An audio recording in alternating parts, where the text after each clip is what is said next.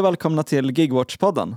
Jag heter Jakob och idag har jag med mig Felix i studion Tjena. eh, och Linnea.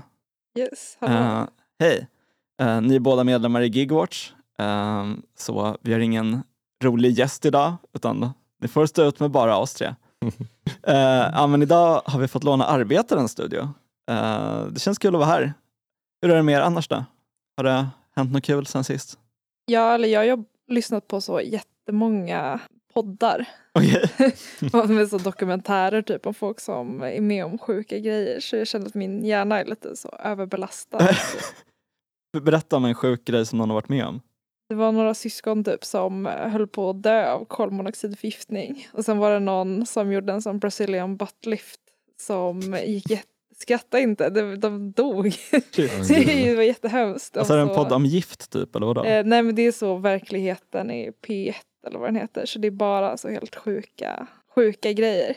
Det är aldrig speciellt upplyftande saker i, i Nej, den. nej precis. Verkligheten är verkligen dyster. Ja och så lyssnade jag på den här sarinattacken i Japan. Okej, du går verkligen in har- i höstmode Om här. ni har, om ni har några tips på mer upplyftande poddar så eh, kan ni också ge dem. En podd som jag har lyssnat på är eh, den här nya ekonomipodden Värdet av pengar från Radio åt alla. Den kanske inte är upplyftande men eh, den är bra.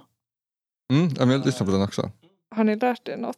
Ni, Jag har lärt mig vad MMT är, Modern Monetary Theory, men jag har inte lärt mig det tillräckligt bra för att förklara det nu. Men de pratar om det i sitt senaste avsnitt. Det låter som ett så pyramidspelsupplägg.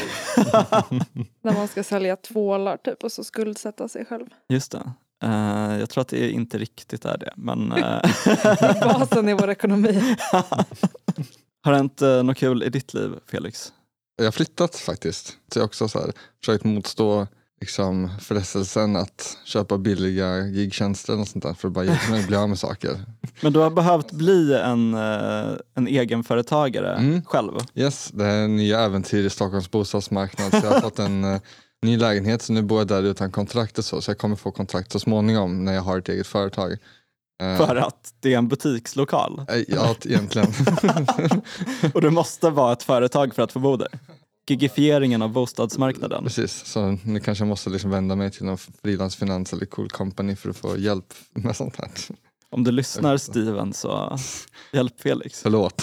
Förlåt, ja, hjälp mig. I ditt liv då, Jakob? Jo men eh, jag skickade in en text till tidningen Brand idag faktiskt. Om, eh, om spökkök som vi pratat lite om i podden innan. Har de halloween-tema på brand? Nej, de har mattema. men jag skrev lite om, eh, om kommunismens spökkök. Just det, för spökkök är den svenska översättningen av Ghost Kitchen. Ja precis, det är alltså sådana här eh, liksom serveringslösa restauranger som bara finns för att folk ska leverera mat från dem. Så det kan man kunna läsa i december eller januari eller någon gång om man köper ett nummer av Brand. Ja, men vad ska vi snacka om idag då? Just det, det är en grej jag har gjort. Jag har kollat på en, eh, en intervju från Bokmässan som jag har lite heta takes på, även om Bokmässan var för länge sedan. Just det, och det är Bokmässan i Göteborg som är den här stora Exakt, bokmässan. Bokmässan med stort B. Men det var en så het take så de behövde svalna lite innan du kunde leverera Ja, den. exakt. för en månad senare. Och vad ska ni andra prata om? Ja, men vi ska snacka lite om ett nytt eh, samarbete som vi har med Taxiunionen. Just det, ni är båda med och drar lite i det va? Mm, Mm. Precis, så vi ska berätta lite om vad vi ska göra nu i eftermiddag efter vi har spelat in podden och lite vad som kommer sen. Så håll i er. Ja, det, det är så trist att influencers har hijackat ordet samarbete. För nu låter det som att vi har något så sponsrat content typ med att jag vet inte, vi samarbetar med några företag som levererar etiska taxitjänster. Typ. Det är inte det vi gör. Vi måste Eller? komma på ett annat ord för i så fall. Alltså, ja, vi har ju inte, definitivt inte ett betalt samarbete i alla fall. Men Men ett får ni betalt för det samarbete- Varför- har vi inte berättat för dig Felix? Men jag tycker inte att de ska få ta över ordet samarbete. Det är ett bra ord egentligen. Ja, vi reclaimar det. Vi samarbetar med de här. Det är som en sån, vad heter det, eufemism, alltså en så fin omskrivning för att man egentligen får pröjs typ för att be- befatta sig med Ja, företag. alltså det känns som att begreppet samarbete har ju också begreppet arbete i sig. Och det känns inte som Är att... det är vi för eller emot? Ja, det, det är också en bra fråga. Men det känns ju inte som att det är jättemycket arbete när en influencer gör ett samarbete kanske. Men vad vet jag? De kanske lägger Mm. mycket tid på det. Men det känns som att de typ, tar en bild där de äter en pizza från Foodora. Mm, du ska inte nedvärdera hur mycket arbete det ligger bakom att posta saker på internet Förvisso sant. för pengar. Skillnad från oss andra som postar saker på internet gratis. Just det, det är mycket lättare.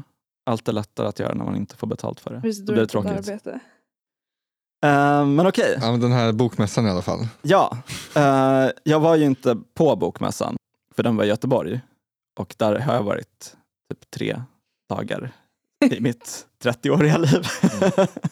Men eh, jag har kollat på ett inslag från bokmässan på webben. Och det var en debatt om de onödiga jobben som arrangerades av två tankesmedjor. Timbro, som vi alla känner väl igen, eh, näringslivets tankesmedja. Speaking of onödiga jobb. Ja, precis. eh, och eh, Katalys, ja, vad ska man säga? Vilka Eh, får de pengarna ifrån? Eh, Katalys får Vilka från... samarbetar eh, de med? Precis, Katalys får pengar från eh, några olika fackföreningar, jag kommer inte ihåg på rak arm vilka det är. Kan det finnas något som heter 6F eller något sånt där? Som är en sammanslutning. Men de... Eh, Mm. Men var inte de som skrev någon så här jättestor antologi för typ något år sedan? Alltså så på 6, 7, 800 sidor om klass i Sverige. Jo, precis. Den samlade ju några rapporter som Katalys har gett ut. Bland annat av eh, Johan Alfonsson, Lovisa Broström och eh, kanske någon mer också som har varit med på podden. Jag kommer inte ihåg exakt alla texter. Och eh, deltagarna var Darja Bogdanska som eh, några av våra lyssnare också kanske känner igen på namnet. Eh, hon har nog nämnts i podden tidigare, men hon är ju eh, facklig organisatör och serietecknare jobbar mycket med migrantarbetare. Och hon satt då i den här panelen med två inkarnationer av Tim Broman. Två Timbromän. Ni fattar inte skämtet? Jo, ja. Tim Broman. Jag blev plötsligt osäker på om Timbro hade grundats av en person som hette Tim Broman. Att jag bara missat det här. Men det, Det kan var, vara så. men, men det var bara du som hittade på det. Ja, det var bara ett pappaskämt. Och eh, den första av dem var Caspian Rebinder. Han är arbetsmarknadsansvarig på Timbro. Och Ett stort fan av gigekonomin. Ja, Mm. apropå onödiga jobb igen. Ja, exakt. Han älskar verkligen att arbeta. Liksom. Ja. Speciellt när han själv gör för att det Precis. är påhittat. Den andra deltagaren var Johan Wenström som är ledarskribent på Svenska Dagbladet och tidigare har jobbat på Timbro. Och han är kritisk mot Foodora-liberalismen. Han tycker att eh, gigjobben, det är jobb som saknar ett moraliskt värde. Och de här eh, är liksom, men det är två högerpersoner, eh, men med lite olika infallsvinklar. Liksom. Eh, den ena kan man väl säga är väldigt liksom progressiv i sociala frågor men väldigt höger i ekonomiska frågor. Lite så, någon slags Centerpartiet-ideologi liksom. Typ, man är emot rasism så länge det inte finns någon välfärd eller så länge alla invandrare jobbar som Foodora-bud. Typ. Eh, och den andra är mer så här, men konservativ i sociala frågor men liksom mer mot mitten eller till och med mot vänster liksom, i ekonomiska frågor. Okej, och vad är det då? Då är det att det är bara vita personer som ska få jobba som fordrar bud? Ja, eller att... Någon slags de- vänsternazism?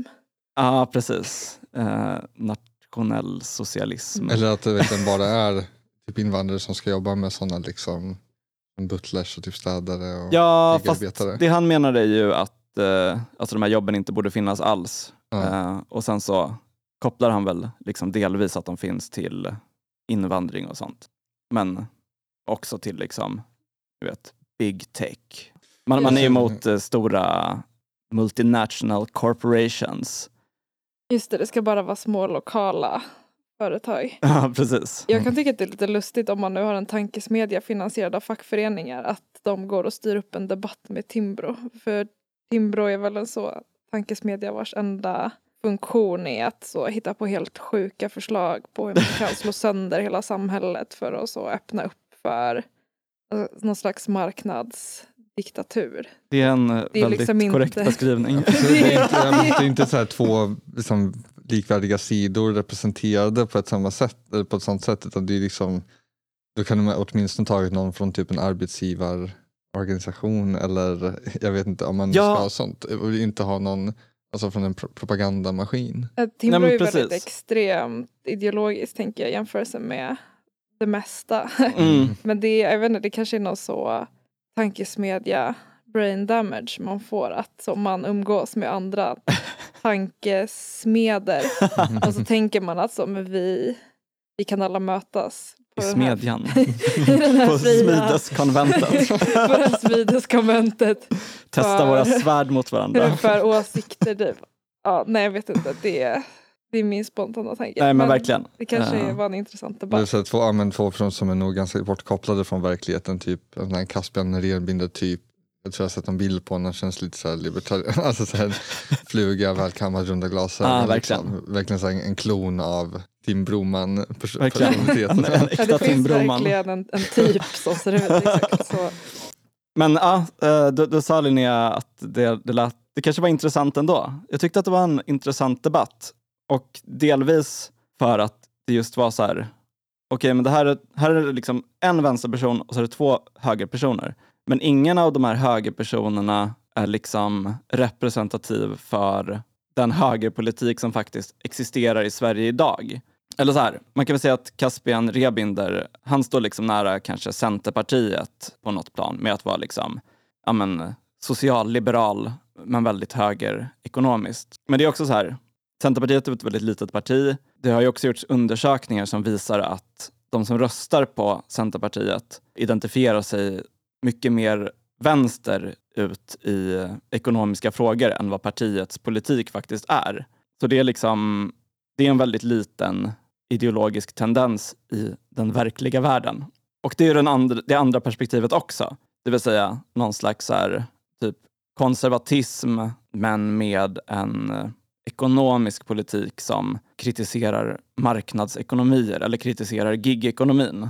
Men var det han som tyckte att gigekonomin, eller så gigjobb inte så hade ett moraliskt berättigande? Typ. Ja, ah, exakt. Alltid lite oroväckande när det är någon väldigt konservativ som börjar prata om vad som är moraliskt berättigat. Ja, men verkligen. Och han, han, han citerade någon amerikansk sociolog som hade sagt då att vi, vi människor i samhället, vi bör se oss eh, inte som liksom konsumenter utan som producenter. Producenter av moraliskt värdefulla tjänster och produkter. Ja, okej. Okej, spicy. kan, kan du utveckla det? Eller det kanske det Nej, är men du som har alltså, de, de pratade ju ganska mycket om det i den här debatten, men jag tyckte att hans perspektiv kändes extremt luddigt liksom, i vad som var så här moraliskt, eh, ett moraliskt arbete. typ. Där höll jag mer med Caspian. Jag gillade honom mer på något sätt. För han kände så här, det här är mer liksom en inkarnation av typ kapitalismen. Den här killen liksom bara, det han tycker är det som är liksom marknadens lagar, det är hans åsikter. Det känns liksom ärligt på något sätt. Eh, medan eh, den här Johan då, kritiken av Foodora-liberalismen, liksom, som visserligen kanske står närmare oss på det planet att han inte gillar gigekonomin. Han hade en lite mer fluffig ingång liksom. Och så var det så här, ja men typ att liksom problemet är typ att om man levererar mat till någon så kanske man bara ställer den utanför dörren istället för att hälsa på personen man levererar till. Man levererar en dålig service. Ja, precis. Eller man kanske snarare liksom... Och slö arbetare som inte... Man kanske snarare liksom la skulden på kunden då. Men då, det är också så här liksom, alltså på ett sätt så håller jag med om att det inte är nice. Men samtidigt liksom, är det det som är problemet? Eller Ja. är det att villkoren är skit? För Ja. att vi liksom lever i en nyliberal dystopi. För, för liksom det som Caspian då tog upp um, var ju att ja, men vi har ju alltid haft till exempel sop, alltså att sopbilen har kommit och hämtat våra sopor. Det är ingen som tycker att det är liksom omoraliskt. Och där kan jag ändå hålla med lite om det. Alltså om det finns något problem i sopbranschen så är det väl att deras villkor har eh, liksom kraschats ganska mycket under de senaste åren. Inte att jag inte går ut och kramar sopgubben typ. Du bugar dig för dag. Det kanske man borde vara mer respekt Jag ställer mig på balkongen och applåderar. och gör honnör varje morgon. Ja, nej men spännande. Alltså, det känns ju lite likt på ett sätt, den kritiken. Eller så, vi har ju pratat mycket om eh, att eh, gigarbete, eller så, gigjobben, liksom inte har något existensberättigande egentligen. Att det Mm. är så, det här är, uppfyller inte ett behov i samhället eller liksom ett så här riktigt behov för de personerna som köper tjänsten.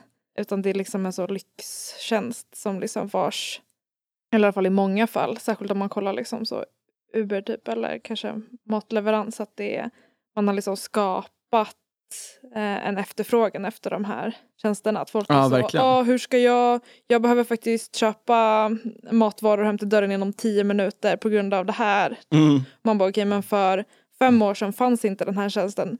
Jag antar att du hade löst det på något sätt då också eller hade du bara så stupat Ja. alltså avlidit typ. Eh, för att du inte kunde ha någon som köper mat åt dig liksom på, Mm. en, på en handvändning. Men, men just det där med så, åh men vad är skillnaden mellan att typ köpa hem mat och, ja men jag vet inte, att någon kommer hem till dina sopor. Den, den tycker jag är intressant. Eller så, jag har funderat en del på det också med Mm. andra exempel. Att, så, varför anses det typ dåligt att ha så städhjälp hemma men eh, om, om det kommer någon och städar typ ens trapphus så är det fine. Mm. Eh, och dels så kan man väl typ ifrågasätta så, okay, men hur intressant är diskussionen om så exakt vilka eh, tjänster som så här, det är okej att konsumera. Typ, Nej, verkligen. Finns det, är det här intressant på ett annat liksom, nivå än att typ om du skäms lite när du gör det eller inte. Alltså, så det kanske är Alltså så det kanske inte är djupare än så egentligen.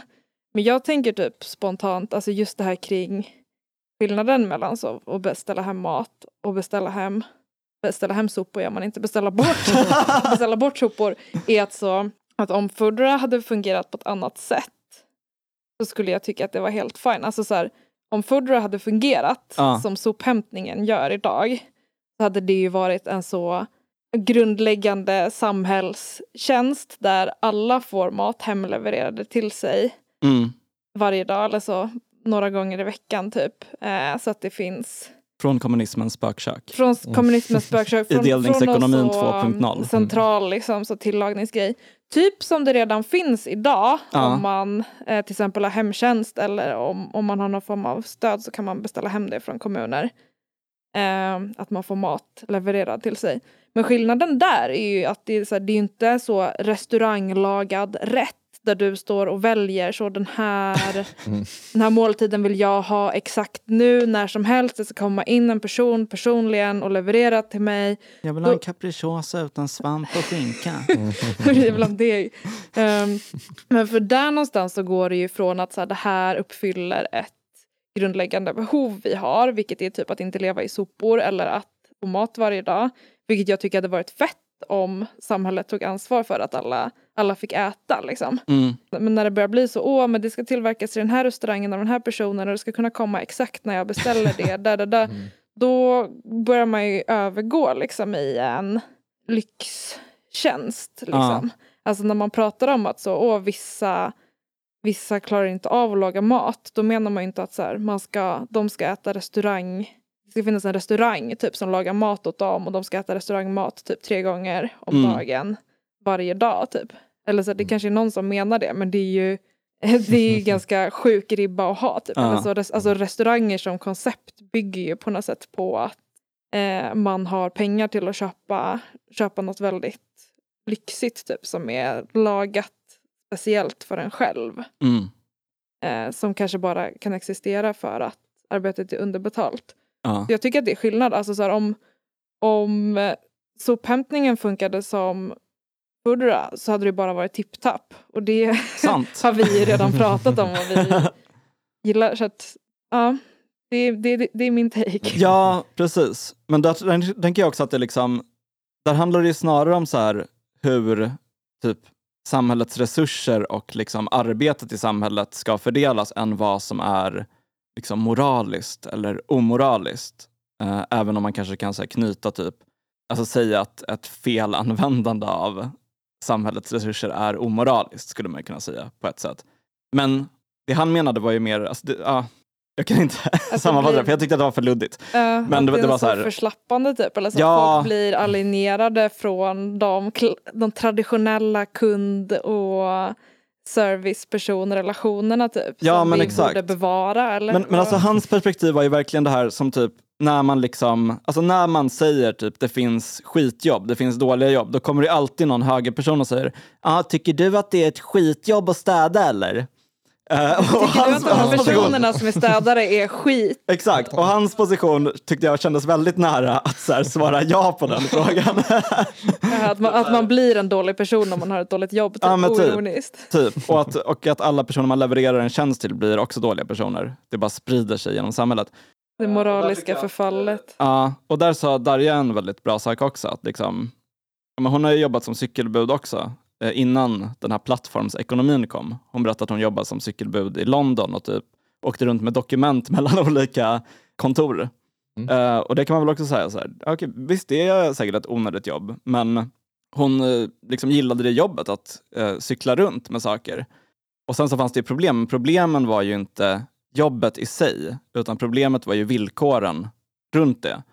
Och sen kan man ju liksom gå längre och säga så här, ja, men att i ett perfekt samhälle så hade inte det funnits kontor som hade haft så mycket pengar att de hade råd att betala någon för att köra runt det. Men liksom, eh, det kändes som att hon vände sig ganska mycket mot det här med att det skulle vara typ omoraliskt att eh, vara ett bud eller någonting. Ja, det blir väldigt så här luddigt ens vad, vad liksom den moralen ska... ja, eller så här, vem, först, vem, vem är liksom domaren av den moralen då också? Är det de liksom, någon slags Isis moralpolis som ska gå... Eller de, eh, de liksom tre personerna i Sverige som har den här Wikipedia-ideologin av eh, liksom någon slags socialt ansvarstagande, moralisk konservatism. Ja, men det känns ju ganska mycket av det så här påhittade ideologier känns ju väldigt bara så här, så här ledarsidor-ideologier. Liksom. Ja, men så- Det är verkligen. liksom inte förankrat i någon faktisk liksom, rörelse. För alltså, även om de står för de här sakerna, liksom, som du säger, typ, ja, men tycker det är omoraliskt, så okej, men vad, hur omsätter du det liksom, i typ, din politik? Eller nu, eller nu var han ledarskribent på SvD och innan var han Timbro, men liksom hur... Vi kanske ska förklara vad en Wikipedia-ideologi är. Linnea? du är uppfinnare av begreppet.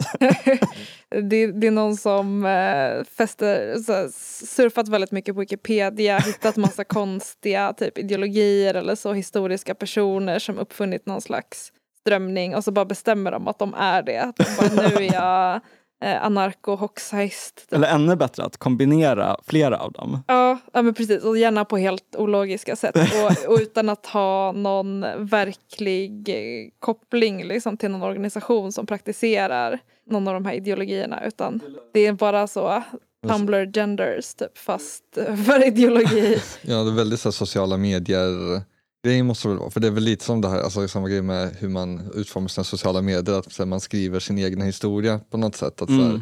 ja, men nu är jag den här liksom, anarko-hoxaisten och därför har de här kvaliteterna, liksom, fortsätt följa min historia här. Liksom. Och så att, Därför är jag beef med de här åtta andra tendenserna av så kids från typ Tjeckien som så lajvar, lajvar historiska eh, uppgörelser.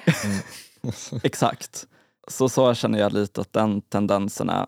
Men, men jag tänkte prata lite mer om det också, för um, ungefär samtidigt som jag kollade på den här debatten första gången, eh, Hur många gånger har du kollat på den här debatten? jag kollade på den en gång lite närmare bokmässan och sen en gång nu för att komma på fler takes kring den.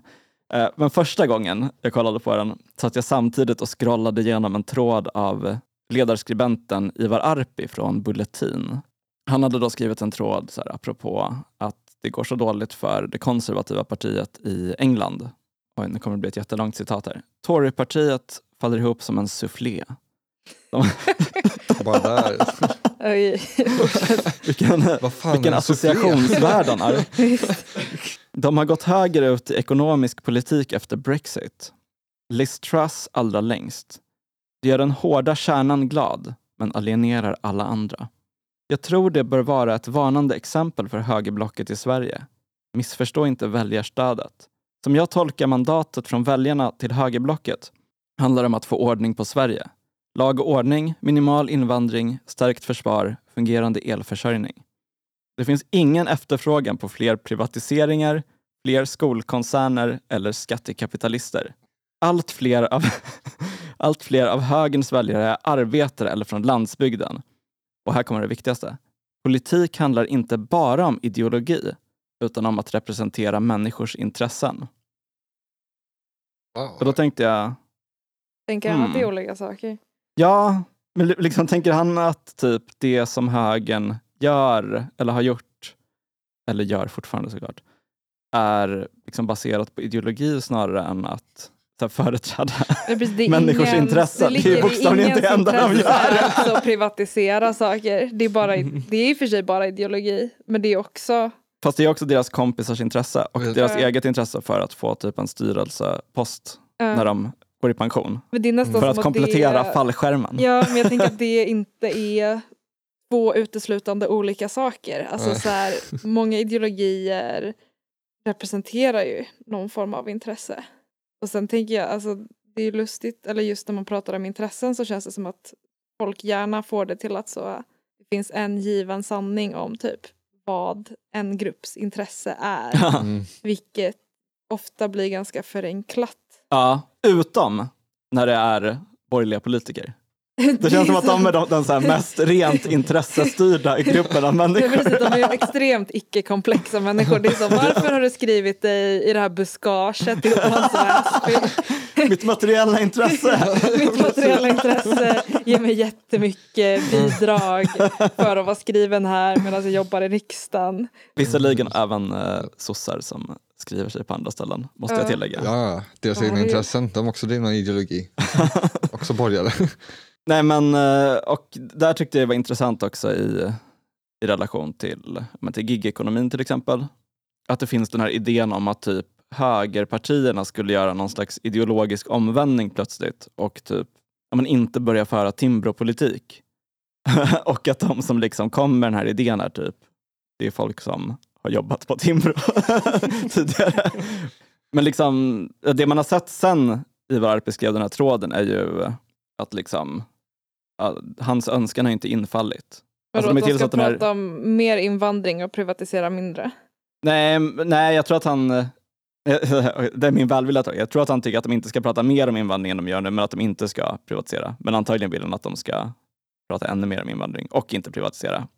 Men eh, För de gör så- ju båda de här sakerna. ja, exakt. Pre- precis. Alltså det, man kan liksom säga att perspektivet som den här Caspian har i debatten, det är liksom ingen välfärd men öppna gränser typ. Och det som den här Johan har som perspektiv, det är att ty- typ stå upp för någon slags välfärd, men med stängda gränser. Men det som, det som liksom högerpartierna, den politik de för, det är ju ingen välfärd och stängda gränser. Eh, Vad får vi för pengarna? ja, exakt. Inget av någonting. Men det är ju verkligen så. Ja, och eh, det som hänt efter att Ivar Arpi, Bulletin Ivar skrev den här tråden är ju att de har tillsatt den här friskolelobbyisten Lotta Edholm som skolminister. De har tillsatt Johan Persson från Liberalerna som arbetsmarknadsminister. Alltså det partiet som var typ näst mest gig-ekonomi positivt i vår eh, undersökning vi gjorde i somras. Eh, Häromveckan så blev det också en, eh, en stor skandal på franska vänster-Twitter efter att eh, Kristdemokraternas eh, ledamot i, eh, alltså svenska Kristdemokraternas ledamot i EU-parlamentet, Sara Skyttedal, hon hade varit på ett så här lobbyistmöte med Uber, tror jag det var, eller något annat gigföretag. Då hade det kommit in en eh, Också att de bara, ha- eller förlåt att jag avbryter, men att de bara har så helt casually lobbyistmöten Ja. med Uber så här, i EU-parlamentet Ja. som svenska politiker är med på. Ja. Att de är så här, "Nej, nu ska vi gå och ha möte med det här företaget och se hur mycket de kan peja oss Mm. för att driva deras... Ja men verkligen. Intressen. Och det där har vi ju skrivit också om tidigare. eh, att alltså, de lägger sjukt mycket pengar på lobbying. Och, eh, Som inte är korruption. Nej, precis. Mm. Eh, den, den fina korruptionen. Ehm, man kan också se typ möten som... Alltså det står listat vilka möten som en ledamot har varit på. Och då kunde jag se att Skyttedal hade varit på ganska många sådana liksom, plattforms, lobbyism, grejer. Mm. Eh, Men i alla fall, det som hade hänt var att hon hade varit på ett sånt lobbyistmöte. Då hade det kommit in en eh, fransk eh, Uber-taxichaffis eh, och eh, börjat liksom, ja, men ifrågasätta hela upplägget för mötet. Ehm, På ett och lugnt och sansat sätt som franska ah, exakt. eh, rioters brukar göra. Exakt, den franska definitionen av lugnt och sansat. Och då hade hon sagt åt honom, shut up and go away. Precis, du betalar inte för min tid så jag har inget, det är Exakt. ingen poäng för mig att prata med dig. Så jag Bra måste säga att, politiker. liksom, jag måste säga att liksom underlaget för den här eh, häftiga Wikipedia-konservatismen, eh, där alla lever moraliska liv och levererar moraliska tjänster till varandra, det känns ganska skakigt faktiskt.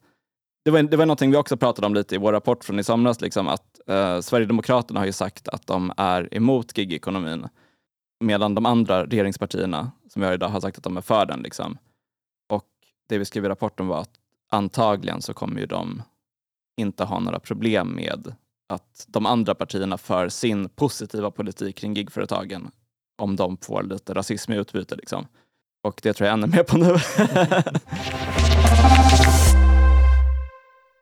Ja, så ska vi prata lite om eh, det här samarbetet som, eh, som vi nämnde i början med Taxiunionen.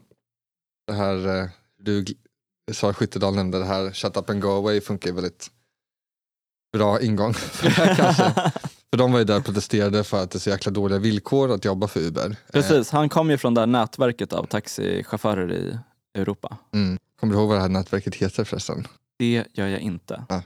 Men eh, vi har pratat om dem tidigare i podden, då kanske vi nämner vad de heter. Det Det, är nog inte jättesvårt att, att hitta. Ja.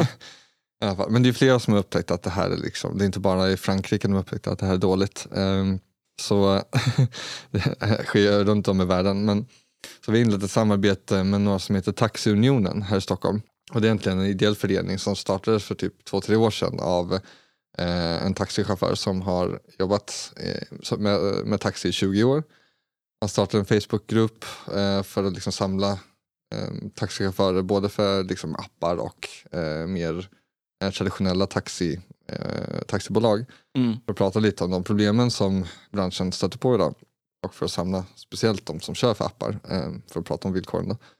Det är kul att det i förra avsnittet pratade vi med Åsa Plessner från Tankesmedjan Balans. Eh, Mm. Det är också en sån, liksom, eller Tankesmedjan Balans är ju inte en rörelse, det är ju två personer, men Mm. de är ju en del av hela den här lärar-Twitter-rörelsen, Mm. som också kommer från liksom, en sociala medier-plattform från början. Med en Mm. liten inflikning. Ja, precis. En Facebookgrupp sa du? En Facebookgrupp. Ehm, och eh, de försöker göra nu att värva mer och mer eh, folk. De har värvat ungefär 300-400 medlemmar sedan de startade då för två, tre år sedan. Eh, och vill egentligen nu börja med att bilda ett syndikat som jag fick lära mig idag om vad det är. Och det är egentligen en slags branschintresseorganisation eh, som inte är en fackförening utan eh, det är något eh, Och tredje. En tredje secret magic thing. Ja, men det är egentligen, det ska vara som rättshjälp, eh, kunskaps och informationsutjämning och det, det funkar typ, ja men det är väl så här, vi pratar om en eh, Husby arbetarcentrum och sånt där, de är väl lite sån, inte en intresse, men en lokal förening liksom för att hjälpa med sådana saker men Jag tror, vad heter det? Worker Center. Det är du som har pratat lite om det innan i podden va Linnea? Mm, jag vet inte om jag har pratat om det i podden men Kanske bara i vår livepodd som vi har, när vi det vill umgås säga våra på riktigt. medlemsmöten. våra studiecirklar. Ja, precis. Worker Center är en grej som, som jag förstått det har varit ganska vanligt, speciellt i USA, som är just att det är, det är ingen formell fackförening, utan det är liksom som en så eh, stödcenter med så juridisk hjälp. Man kan eh, liksom för den yrkesgruppen, eller kanske om det är för alla yr- yrkesgrupper, som man kan vända sig till om man liksom har problem på jobbet. Man kan få hjälp att starta upp en fackförening eh, på sin arbetsplats och sådana saker. Och, och framförallt så har väl det använts typ där facken kanske har en ganska svag ställning eller så det kan vara ett stort steg typ att gå med i en fackförening eller så starta en fackförening så att då har man liksom som sådana center som vem som helst kan vända sig till där man inte behöver vara medlem. Eh, och då kommer man ju också runt en del sådana byråkratiska liksom bakbindningar som Mm. fackföreningar kan ha beroende på vad det finns för lagstiftningar i olika länder. Till exempel att ja, men så här, fackföreningar får bara agera på vissa sätt. Man får bara vidta stridsåtgärder i vissa sammanhang. Man måste ha så här och så här många röster för att få bilda en fackförening på sin arbetsplats. Bla, bla, bla. Det kan ju se olika ut men allt det slipper man ju om man bara inte är ett fack.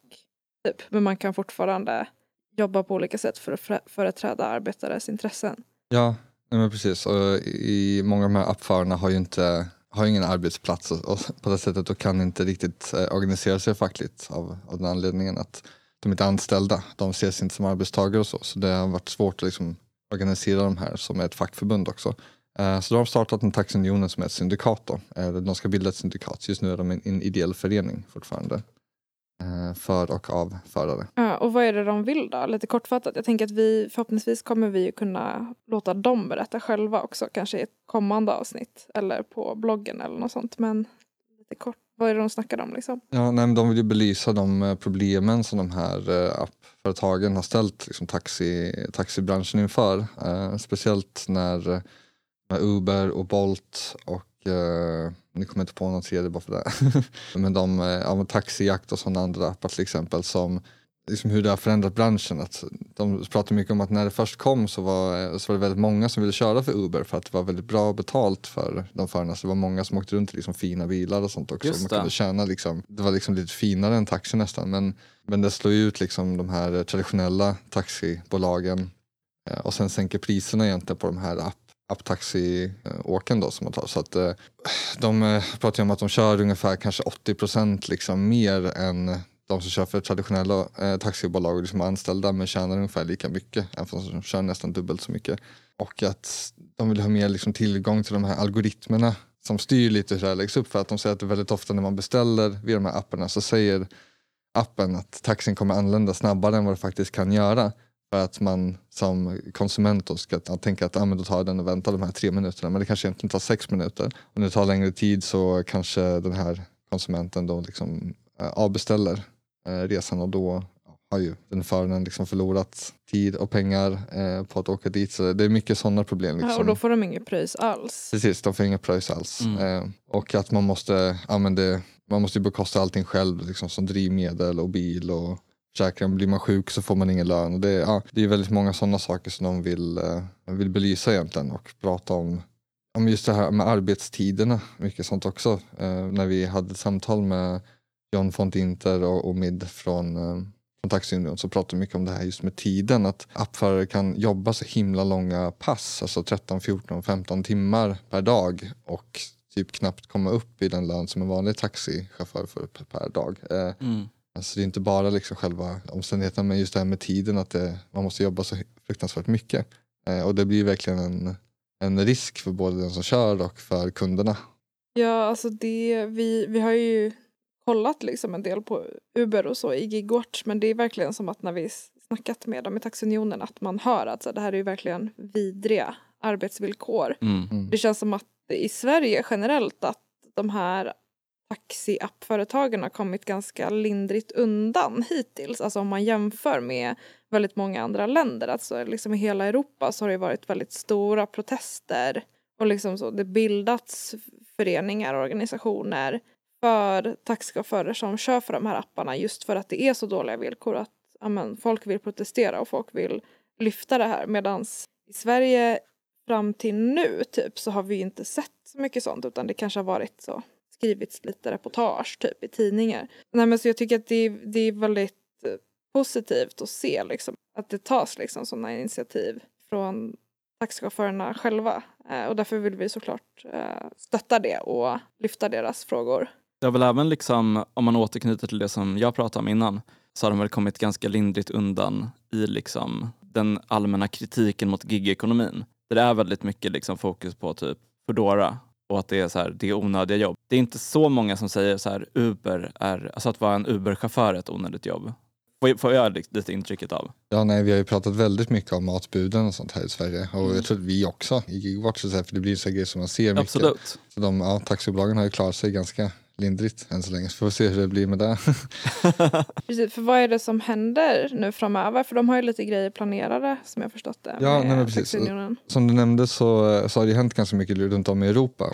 Eh, ja, men ett av de här initiativen var ju eh, App Drivers and Couriers Union som startades i England och som har växt och blivit ja, tiotusentals medlemmar nu på ganska kort tid, typ på två år. Och har samlat, ja, men, det är väldigt blandade liksom, med nationaliteter och sånt också så att det något som kanske känns som en väldigt svår grej i början med att organisera så himla många olika människor som är så uppdelade på grund av, inte bara på grund av språk och bakgrund men även liksom på ar arbetets villkor också. Att man är så frånkopplad från en fysisk plats. Så har de ändå lyckats organisera sig och blivit ja, tiotusentals medlemmar och de ska komma hit och ha en föreläsning eh, för eh, Taxiunionen och alla som är intresserade egentligen. Så den 22 november klockan 16 i Folkets Husby så är det öppet för allmänheten att komma på inspirationsföreläsning kan man väl säga. Liksom. Men främst är det ju för taxi, eh, taxichaufförer som är intresserade av att eh, organisera sig eh, och höra liksom, eh, en solskenshistoria om hur det kan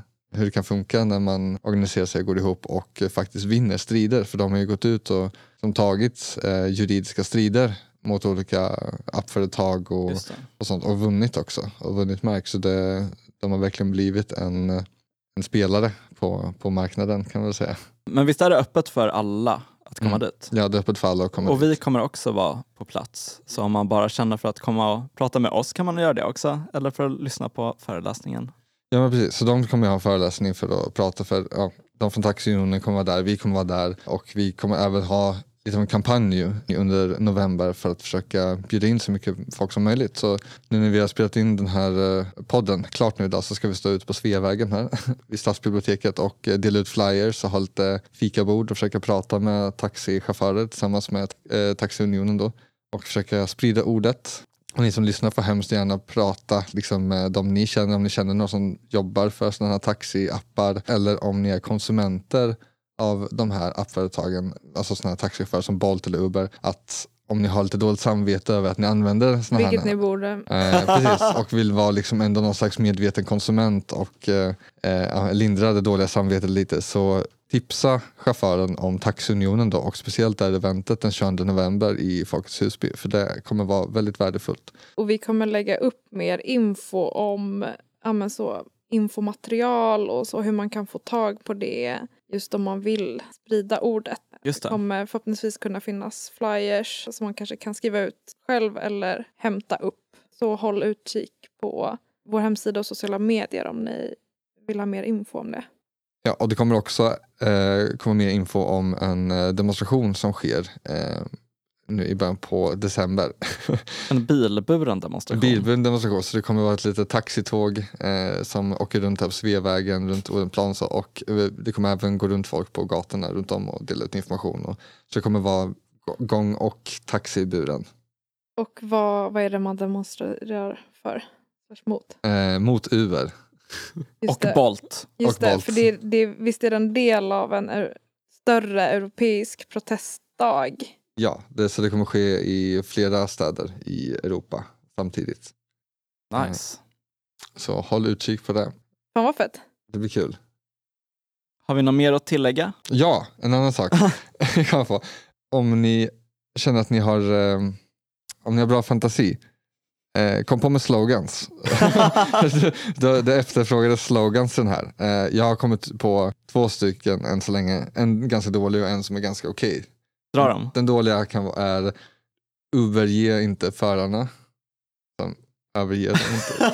Ja, det, det, det, fast Jag det, fattade inte den. tror Nej, jag. och den har ingen klang till sig. Men sen... eh, Ja, Uberge, inte Ja, exakt. förarna. Uberge. De är överge, fast det är Uberge. Precis. Gör den. Va? Nej, förlåt, säg din. Den andra var bara typ eh, stop, eh, stop Uber greed, no work for free. Och we don't work for free, något sånt där. Mm. Det är något som är slag, eh, så här slagkraftigt som man kan gapa. Gärna på engelska för det kommer att vara ganska blandat språk. Eh, Så skicka in det till eh, gigwash.se at gmail.com om ni kommer på bra slogan som man kan skrika. Vad tror ni om Uber Suber? Vad betyder suber? Så Det som u- Typ suger, suger. fast Fast det är suber. Suber. det är inte klockrent. det låter nästan Okej, som att säga Uber oss. super. Uger suger. Uger suger. Uger suger. inte heller heller är klockren. Det är bra klang men budskapet kanske går Men ska vi tacka för idag? Ah, eh, tack för att ni lyssnade. Ehm, ja, följ oss på sociala medier och uh, stötta oss på Patreon. Och gå på våra studiecirklar. ja, Åttonde, åttonde kommer vara efter att det här avsnittet släpps, eller innan. åttonde, femtonde, tjugoandra uh, har vi studiecirkel i Stockholm Stockholm. Om gigekonomin 18. till 18.30 till 20. Yes. Och det här sista mötet vi har då med, eh, på Husby arbetarcentrum som är den 22, då kommer vår studiecirkel vara direkt efter det mötet. Eh, Ja. på Husby, så då blir det som ett litet studiebesök som vi gör där på Husby arbetscentrum och sen så åker vi till Café Max tillsammans och har studiecirkel. Kul! Ha det bra, hej då!